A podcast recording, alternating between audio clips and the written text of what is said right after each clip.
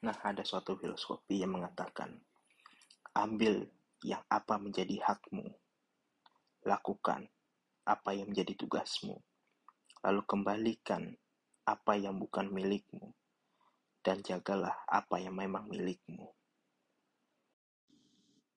Jangan lupa untuk beristirahat, sebab yang kamu perjuangkan adalah hal besar. Kamu butuh banyak sekali energi untuk menghadapi tahap-tahap berikutnya, yang semakin lama akan semakin menguji kesungguhanmu.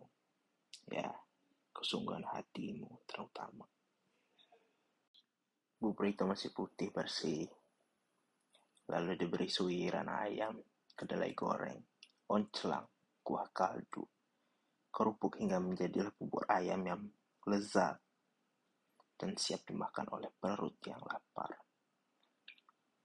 Hati pada awalnya bersih, tapi ia terus diberi noda-noda maksiat dan kotoran-kotoran keinginan nafsu, hingga ia tampak lezat di hadapan api neraka yang lapar.